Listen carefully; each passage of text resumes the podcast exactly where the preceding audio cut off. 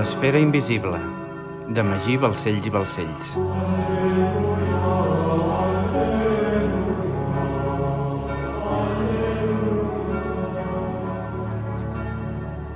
Capítol 6. Núvol de fum. Diumenge, 1 d'abril de 1302. Costa d'Hòstia. Estats pontificis. Encara hi havia una distància d'aigua considerable per davant, però aclocant una mica els ulls es podia veure terra. Sobre el mar, una llarga carena a l'horitzó s'estenia des del nord a l'est, mentre el sol sortia i dibuixava una sinuosa silueta colorida sobre l'extensa llenca de terra que flotava sobre el mar, els estats pontificis. Arnau de Vilanova esperava ansiós l'audiència amb el papa i a la barana del vaixell amb la seva gossa fresca i el seu millor amic albirava la terra italiana mentre olorava el seu inseparable terror de safrà. Després de quatre dies navegant, arribaven finalment al port d'Hòstia. Estava cansat. A la seva edat cada cop suportava menys els viatges llargs. Havia tardat nou dies des de Wagen a Barcelona i li feien mal totes les articulacions del cos pel trot del cavall. Afortunadament per ell, no es marejava sobre la mar, per tant, quan va arribar a Barcelona es va sentir alleujat, ja que per fi s'havia acabat el viatge sobre tracció animal. Arribant al port de la ciutat com tal, el va sorprendre la gran quantitat de vaixells, galeres, tarides i coques que hi havia ancorades davant la platja. Mai n'havia vist tantes. Arnau mirava encuriosit els panons que onejaven al capdamunt dels vaixells. N'hi havia de totes les nacions. El lleó alat venecià, la creu genovesa, les flors de lis angevines de Nàpols, l'àguila bicèfala bizantina, però sobretot, i amb molta diferència, les quatre barres i la creu paté vermella del temple.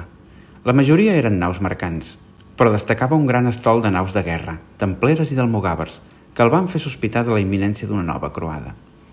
Mentre caminava absort contemplant aquell espectacle nàutic, el llegat pontifici el va portar fins a un petit vaixell, que enarborava un estandard blanc amb dues claus creuades sota una mitra de tres corones. La sorpresa d'Arnau va ser immensa – va mirar sobre el vaixell i va veure un dels seus millors amics recolzat a la barana, fra Ramon Llull. Ramon i Arnau feia molts anys que es coneixien. Es van conèixer molt temps endarrere a la Sorbona de París i des de llavors compartien una bona amistat. Ramon era un dels responsables que el papa hagués fet cridar Arnau i, com a tal, s'havia compromès a acompanyar-lo personalment fins a la Santa Seu – Aprofitant el seu viatge a la ciutat com tal, Ramon havia esperat l'arribada d'Arnau des de Wagena i havien embarcat tots dos junts per emprendre el viatge. Quan Arnau va veure Ramon, es va posar molt content. Enyorava les seves converses i feia molt temps que tenia ganes de veure'l. Hi havia poques persones amb qui poder parlar de la seva gran passió. Li encantava compartir i discutir els seus coneixements amb Ramon. Arnau sempre havia pensat que Ramon tenia una ment privilegiada i les seves converses sempre eren interessants i molt instructives. Arnau l'admirava. Quatre dies en plena mar amb Ramon Llull donarien molt de sí. Els dos eren homes d'estudi, amb grans coneixements i profundes conviccions. Els dos havien crescut a les florents universitats amb l'escolàstica. Els dos compartien una mateixa filosofia i manera d'entendre el món. Els dos eren importants teòlegs i filòsofs. I els dos eren reconeguts com a intel·lectuals prestigiosos dotats d'una extrema intel·ligència. Així que, sens dubte, les seves converses serien segur més que interessants. Arnau s'alegrava d'haver nascut en aquella època del redescobriment del saber. Pensava que era una benedicció haver nascut just en el moment en què la raó tornava a florir com a mètode per assolir el coneixement. Les universitats es trobaven a la seva plenitud i el món intel·lectual d'Occident, després d'estar dormit durant mil anys, havia despertat amb una vitalitat desconeguda fins al moment. Néixer en aquell temps havia estat un privilegi. La cristiandat occidental, després d'un obscur mil·lenni, havia sortit de la paràlisi que havia comportat la condemna de la memòria humana de Constantí. Durant segles, el món intel·lectual d'Occident s'havia reduït als escriptòria dels monestirs i s'havia limitat únicament a la conservació i glosa dels textos sagrats. Durant cent dècades, tota l'escassa intel·lectualitat d'Occident havia girat només al voltant de la justificació del dogma diví per fer apologia del cristianisme i acabar amb les religions paganes, acorralant, menyspreant i condemnant a la raó. Amb el pas dels segles, però, i a causa de l'òptim climàtic, el renaixement de les ciutats, l'augment demogràfic i el naixement de la burgesia, el món intel·lectual havia crescut inevitablement en adeptes, molts dels quals qüestionaven els mètodes anteriors. Així, es va anar gestant alguna variació en la concepció ideològica imperant fins al moment, que va ser aprofitada i contrarrestada per l'Església mitjançant la creació de dues entitats erudites que conciliessin el cristianisme amb les noves branques del coneixement, les universitats i els ordes mendicants. A les universitats es va conformar l'escolàstica, nascuda com un corrent teològic i filosòfic que utilitzava part de la filosofia grecollatina clàssica per comprendre la revelació religiosa del cristianisme. Es basava en la coordinació entre fe i raó, tota una novetat, tenint en compte que la raó feia més de mil anys que estava enterrada. Tot i que només s'acceptaven com a vàlides les conclusions de la raó que coincidien amb la fe, és a dir, guardant sempre el principi de la filosofia és serva de la teologia, i per tant garantint sempre la primacia de la fe sobre la raó, l'escletxa que es va obrir per la raó va suposar un avenç molt significatiu en el camp del coneixement. L'escolàstica va incentivar el raonament, la lògica i l'estudi d'altres tradicions filosòfiques, com l'àrab o la judaica les traduccions de textos àrabs i jueus van comportar un progrés important en el camp del coneixement occidental i nous conceptes d'aritmètica, geometria, lògica, matemàtiques i alquímia van catapultar Occident vertiginosament cap a la modernitat. La primera universitat a fundar-se va ser la de Bologna, seguida per Oxford, Cambridge, París, Palència, Salamanca, Pàdua, Nàpols, Coimbra, Alcalà d'Henares, Lleida... Així, les universitats es van estendre amb rapidesa per tota Europa, amb forta rivalitat entre elles, lluitant sempre per esdevenir les més prestigioses. En l'últim segle s'havien fundat 34 universitats, 21 d'elles de fundació papal. Els poders pontificis imperials i reials d'Europa competien entre si per crear universitats. Malgrat tot, l'Església jugava amb avantatge, ja que era ella qui monopolitzava el coneixement a través de les seves universitats. Però tot i així, com que l'ús de la raó per part de les altres universitats comportava un risc evident, sobretot en la naixent societat urbana, la Santa Seu va crear els ordres mendicants per tenir-ho tot sota control. Per una banda, l'Església es va assegurar de crear un ordre que ocupés els més importants càrrecs dins de totes les universitats, els franciscans. Francesc de Sis va desenvolupar una vida centrada en la pobresa, la bondat i la humilitat de cor amb l'objectiu de predicar entre la gent amb un missatge de pau i bondat que usava la veritat no com a arma per vèncer, sinó com a arma per convèncer. Els seguidors de Francesc d'Assís tenien especial predilecció per cercar la veritat i va ser així que l'Església de Roma es va aprofitar d'aquest moviment per crear un ordre que ocupés els càrrecs docents més importants en totes les universitats. L'ordre dels frares menors, que la gent coneixia com franciscans, perquè seguien la regla de Sant Francesc exercia el seu monopoli a les universitats i la majoria d'experimentats mestres i professors eren frares germans de l'ordre franciscà. Per altra banda, per assegurar-se que ningú usés la raó per negar la fe, l'Església va promoure l'establiment de tribunals inquisitorials per tota Europa i es va encarregar que únicament els domini canis, gossos del senyor, poguessin ser-ne els jutges. Els dominics, nascuts com a seguidors de Domingo de Guzmán, pretenien acabar amb el catarisme, estenent el missatge que només abraçant a la Santa Mare Església es podia salvar les ànimes de la mort en pecat. Doncs l'Església fundada per Crist sobre Sant Pere era el germen del regne de Déu a la terra i únic mitjà de salvació. El seu odi extrem als càtars i la seva ferma convicció divina d'acabar amb els heretges fos com fos els va col·locar en una posició extrema segons la qual, allà on no arribava la predicació, havia d'arribar al bastó, convertint-se així en teòlegs ultrafonamentalistes que aplicaven la llei de Crist sense misericòrdia. Així les coses, els dominics van esdevenir, sens dubte, les persones més idònies per jutjar amb severitat totes aquelles causes on la raó anés en contra de la fe. Els dos ordes mendicants actuaven a les ciutats predicant entre la gent i al mateix temps, a través dels seus membres, ocupaven els càrrecs més destacats dins les universitats i la Inquisició – entre els dos ordes tenien el monopoli del coneixement i qualsevol persona que volgués dedicar la seva vida al saber no tenia més remei que ingressar en algun dels dos ordes. Tots els grans intel·lectuals que havien sorgit d'entre la universitat i l'escolàstica eren membres destacats dels ordes. De sobte, a la barana del vaixell, mirant la silueta dels estats pontificis, Arnau va sentir Ramon darrere seu. Aquest es va acostar lentament a la barana fins a posar-se al seu costat.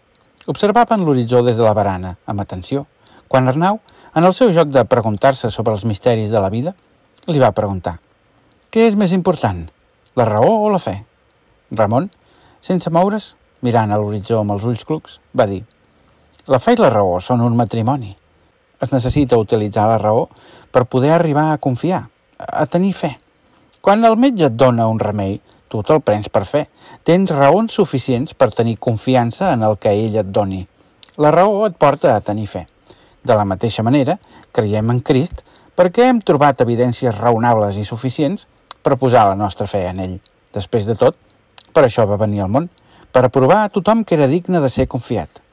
I això què vol dir? Feu raó, va dir-li Arnau, amb un punt d'humor. La raó es val d'un sistema acumulatiu i metòdic de coneixements, eh, producte d'una investigació, que permet a l'home progressar i descobrir més veritats. Estudiant el moviment de les estrelles es poden conèixer quines lleis regeixen el moviment dels cossos celestes. Malgrat tot, encara que puguem arribar a conèixer aquestes lleis, la raó mai podrà respondre qui va crear-les ni per què. Eh, podem explicar els mecanismes de l'univers sense la necessitat de mencionar a Déu, però no el podem obviar si ens preguntem qui ha dissenyat aquest mecanisme. Confondre els mecanismes de l'univers amb la seva causa és un error categòric. La raó és imprescindible per tenir fe, però mai podrà explicar-ho tot per si sola. La raó ens explica què existeix, però no per què existeix. Eh, la informació continguda en un llibre no s'explica per la química de la tinta ni les condicions físiques del paper, eh, perquè procedeix d'una font totalment fora de la raó. El missatge d'un llibre sempre transcendeix les propietats del mitjà que utilitza per portar-lo. Eh, mira, hi haurà un dia que mitjançant la raó l'home podrà desxifrar la biologia sencera d'un cos humà, però mai et podrà dir, mai et podrà respondre si un acte és moral o immoral. Encara que es pugui desxifrar la composició dels colors d'una pintura, la raó mai et podrà dir si és una pintura vella o no. Els sentiments més genuïns d'una persona no són quantificables, no es poden pesar, però res pesa més que ells en aquesta vida, no? Així doncs, és més important la fe, va sentenciar Arnau. Durant molt de temps ha existit un divorci entre fe i raó que no ha servit per res. En el meu cas, va ser a través de la raó que vaig descobrir a Déu. La fe i la raó han d'anar sempre de les mans, ja que per aquells que no han estat beneïts amb el do de la fe, la raó és l'única manera d'acostar-los a la veritat de Déu i necessitem enviar un exèrcit de joves a les universitats més prestigioses que aconsegueixin graus avançats d'estudi per desenvolupar noves raons que demostrin que es pot integrar la ciència, la filosofia i la teologia per trobar la veritat de Déu. L'home és un invent de Déu o Déu és un invent de l'home? Va preguntar Arnau, seguint el seu joc. Qualsevol home que es pregunti sobre la causa de la seva intel·ligència, al final arriba a dos úniques conclusions. O la intel·ligència humana prové de matèria sense sentit o hi ha un creador intel·ligent? La raó em diu que res pot crear-se del buit i, per tant, em porta a tenir fe en un creador, una causa primera que ho ha desencadenat tot, fins i tot la nostra existència. L'home és un invent de Déu, doncs? va preguntar-li Arnau. Sense allò que dubta. Tu ho dubtes? va dir Ramon. Eh, no. Un home ve d'un altre home, prosseguia Ramon. Una estrella d'una altra estrella. Una galàxia d'una altra galàxia. Tots els éssers provenim d'éssers anteriors. Eh, tots devem l'existència als nostres pares, i ells els seus, i aquests els seus, i així durant centenars de milions d'anys, fins a la singularitat primigènia. Eh, suposem que anem remuntant fins a trobar el primer ésser, la causa de la qual s'ha derivat tota la resta. Aquesta primera causa, aplicant la raó, ha de tenir naturalesa eterna, ha d'haver existit sempre, perquè si ha nascut d'alguna altra, ja no és la primera, és la segona. I perquè la raó em diu que res pot néixer del buit. Les sumes de zero sempre donen zero. Per tant, la raó em porta a una primera causa eterna creadora de tot, a qui anomenem Déu. De sobte, perduts entre les seves converses, es van adonar que abandonaven el mar i es posaven dins el gran riu Tíber per la desembocadura. El port d'Hòstia els quedava just a la dreta i un cop amarrat al vaixell em prendrien dues hores a cavall de camí fins a Roma. Seguint el Tíber, la via Ostiensis s'estenia per la plana, formant una filera de pins pinyers de banda i banda, que semblaven ombrel·les gegants, amb grans copes arrodonides i aplatades. A mig camí, l'orografia començava a ondular-se suaument i el Tíber a serpentejar. Els antics monuments funeraris eren cada cop més freqüents a la calçada i les ruïnes dels antics edificis cada cop més nombrosos sobre la campanya romana. De sobte, Arribant al capdamunt d'un turó, a la llunyania la van veure. Una tapaïda i tortuosa gran ciutat assentada sobre set turons. Roma. A mesura que s'acostaven, la seva silueta anava fent-se més nítida. La immensa majoria semblava una gran ruïna menjada per les plantes. No obstant això, en contrast amb aquella extensa ciutat morta, sobresortien excelsos campanars i la gran mola del Coliseu enmig. Arribant a la porta de Sant Pau, Arnau va observar amb atenció l'alta piràmide adossada a la porta i un cop van ser dins, va contemplar bocabadat l'extensió de la ciutat més gran que havia existit mai. Mai havia vist tantes pedres juntes. Intentava reconstruir aquella ciutat en la seva ment i no ho podia concebre. Sobrepassava la seva imaginació. Ara entenia el significat de l'expressió, la grandesa de Roma. Mentre s'endinsaven en l'esquelet d'aquella ciutat morta, Arnau va començar a esternudar. Quan es va adonar que estava completament poblada de gats, es va tapar el nas. N'hi havia centenars. Un dels homes que els acompanyava va lligar la bresca, que no deixava de bordar els gats, i es va encarregar de dur la gossa i les pertinences d'Arnau a la seu dels franciscans. A Roma hi ha més gats que persones. Enyoren el paganisme, va dir-li Ramon, mentre s'endinsaven a la ciutat. En aquells temps es considerava que els gats eren mitjancers entre el nostre món i el superior, per la seva capacitat de veure, sentir i escoltar el que els altres animals no podien distingir. Es deia que transitaven entre dos mons i que podien percebre altres dimensions, raó per la qual els felins observaven sigilosament els homes que passaven per allà. S'enfilaven sobre les antigues escultures romanes, dormien entre les runes del vell imperi i deambulaven entre els ruïnosos edificis, embadalits amb la grandesa de la Roma imperial. Per contra, a les extenses places públiques de davant de les basíliques cristianes eren els coloms, símbol de l'Esperit Sant, els que regnaven sobre aquells espais sagrats. Després de caminar 20 minuts entre les runes i esbarzers, sense esperar-ho, una obra superba, perfectament adornada i embellida, va sorgir d'entre les desgastades mortalles, la basílica i el palau del Laterà. El palau era immens i tenia forma quadrangular, amb una gran porta al centre. Sobre la porta, una esplèndida balconada per venir al poble. I a banda i banda, grans finestres simètriques que adornaven l'edifici al segon i al tercer pis. Al capdamunt, sobre la cornisa, els sants de l'església coronaven l'edifici, destacant Sant Pere al mig. Davant el palau, Just al centre de l'extensa plaça hi havia una estàtua de Constantí muntat sobre un magnífic cavall. L'emperador allargava la mà endavant en senyal de clemència i magnanimitat divina i donava la benvinguda de forma indefectible al Palau del Sobirà Universal. Arribant a l'alçada de l'estàtua, un gran estol de coloms es va enlairar davant d'Arnau, oferint un majestuós espectacle davant d'aquell gloriós edifici i conferint-li una aura celestial que Arnau no va poder ignorar. Després de recórrer diverses estances i passadissos i de diverses identificacions, van arribar a les portes del saló d'audiències. Quan es van obrir les grans portes, al fons, Arnau va veure a Bonifaci VIII assegut sobre el tron. Sa santedat portava una gran sotana blanca, un roquet rematat amb puntes, una mosseta vermella de vellut i la mitra blanca de les tres corones al cap. Sobre les seves cames, Bonifaci acariciava un gat gris amb taques blanques, i amb uns intensos ulls de color verd maragda. El gat ronquejava sobre el Sant Pare i movia el cap sota la mà del pontífex per rascar-se'l amb l'anell del pescador. Arribant als peus del pontífex, aquest va allargar la mà i Arnau i Ramon es van posar de genolls. Ramon va besar l'anell del pescador i el Sant Pare va moure la mà en direcció a la boca d'Arnau. Aquest va alçar la vista cap al Sant Pare i li va dir «Disculpeu, santedat, però sóc al·lèrgic als gats si beso el vostre anell començaré a estornudar i hauré de marxar. No patiu, va dir-li el Sant Pare. Preneu el Pomeriggio. Un home es va acostar i va prendre el gat. El gat es diu Pomeriggio? va preguntar Arnau. Sí, me'l va regalar Fra Ramon Llull fa uns anys. Es passa els matins dormint i només està actiu a les tardes. És un gat de tarda. I pomeriggio significa tarda en llengua vulgar italiana. Eh, per això el gat es diu així. Però aneu a l'important. Els meus informadors em diuen que vos sou el millor alquimista dels nostres temps. Els vostres informadors exageren, santedat, va dir-li Arnau. Ho dubto, va respondre el pontífex. En tot cas tindrem ocasió de comprovar-ho. Us he fet venir perquè m'ajudeu a crear una substància. Una substància? De quina substància es tracta, santedat?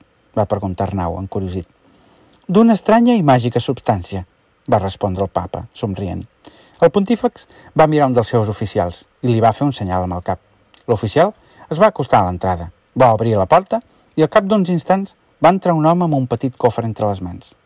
Mentre l'home caminava en direcció a ells, es van tancar les portes i Bonifaci va dir us presento a Marco Polo, mercader venecià que ha estat conseller del Gran Cant dels Tàrtars durant més de 17 anys i que ha viatjat a les llunyanes terres de la Xina. Eh, benvingut, Marco, va dir Bonifaci, mirant el mercader venecià. Seríeu tan amable d'ensenyar què porteu als nostres visitants? Dos oficials van acostar una taula davant del tron, a una distància prudencial, i Marco Polo va dipositar el cofre a sobre i el va obrir. Arnau es va acostar a observar-ho. Era una pols fina de color negre. Va olorar i la va tocar. No sabia què era, no en tenia ni idea. Els xinesos la coneixen com la medicina de foc i fa centenars d'anys que l'usen, va dir Marco. Coneixeu l'obra de Roger Bacon? va preguntar el papa Bonifaci a Arnau. A qualsevol alquimista del nostre temps la coneix, va contestar Arnau. Heu llegit la seva epístola De secretis opirus artis et naturae et de nulitate magiae? De les obres d'art i el secret de la natura i de la nulitat dels mags? Li va preguntar el pontífex. M'esteu dient que això és pólvora? va dir Arnau sorprès. Ni més ni menys, va afirmar Bonifaci. Bacon afirmava que mesclant sofre, carbó vegetal i salnitra es podia crear una substància explosiva. I efectivament així és. Ja fa anys que fabriquem pólvora seguint les indicacions de Bacon, però mai havíem tingut a les nostres mans pólvora xinesa. Vull que desxifreu la composició exacta d'aquesta pólvora i que en fabriqueu en grans quantitats per mi. Jo, jo, jo? Però, però com? va tartamudejar Arnau. Si accepteu l'encàrrec, els soterranis de la Casa Mare General dels Franciscans a Roma tenim un extens laboratori i tot un equip per a les vostres ordres, li explicava el papa. Ja fa anys que en fabriquem, tot i que presenta certs inconvenients. Vull que fabriqueu per mi pólvora igual a aquesta. El poder explosiu d'aquesta és incomparable. El papa es va aixecar i va anar en direcció a la finestra, mentre uns oficials l'obrien. Mirant a l'est, darrere les precàries cases habitades, s'alçaven tres grans aquaductes en paral·lel. En el seu dia, portaven aigua al sud de la ciutat, però ja feia molt temps que l'aigua es vessava sobre els camps del Laci i als afores de la ciutat. Els tres tenien la mateixa altura i portaven allà més de 12 segles d'en peus. Veieu aquells aquaductes? va dir el papa Arnau i Ramon. Ara comprovarem la potència de la pólvora xinesa. Hem practicat una obertura en un dels pilars de la base i hem col·locat la mateixa quantitat de pólvora que conté aquest cofre. Aquests aquaductes han resistit a més de mil anys i diversos terratrèmols, va afirmar Fra Ramon. Voleu dir que la pólvora hi podrà fer res? Ara ho veurem, va dir sa santedat mentre alçava la mà i donava l'ordre. Un home baix, al carrer, es va posar a córrer en veure el senyal i es va introduir entre els carrers enronats fins a perdre's de la vista. Al cap d'uns instants, es va sentir un intens estrèpit semblant a un tro. Al moment, un gran estol de coloms i gavines van emprendre el vol, espantats. Passat un instant, en un tancar i obrir d'ulls, el soroll d'una gran esquerda va ressonar per tota la ciutat i molt lentament un dels aquaductes va començar a inclinar-se vertiginosament cap a un cantó. Va prendre velocitat i va impactar violentament contra l'aquaducte del costat. Amb la gegantina col·lisió, l'aquaducte es va esbocinar en mil trossos, provocant al seu torn que l'altre aquaducte es balancegés fins a impactar contra el tercer, per quedar finalment tots tres completament abatuts. El terrabastall provocat es va sentir per tota la ciutat, i el núvol de fum i pols es va estendre ràpidament fins a la finestra on eren. El papa, fra Ramon i Arnau estaven bocabadats, mentre Marco Polo somreia.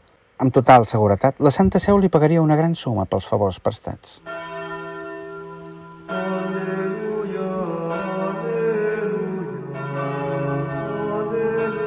L'esfera invisible, de Magí Balcells i Balcells. Aleluia.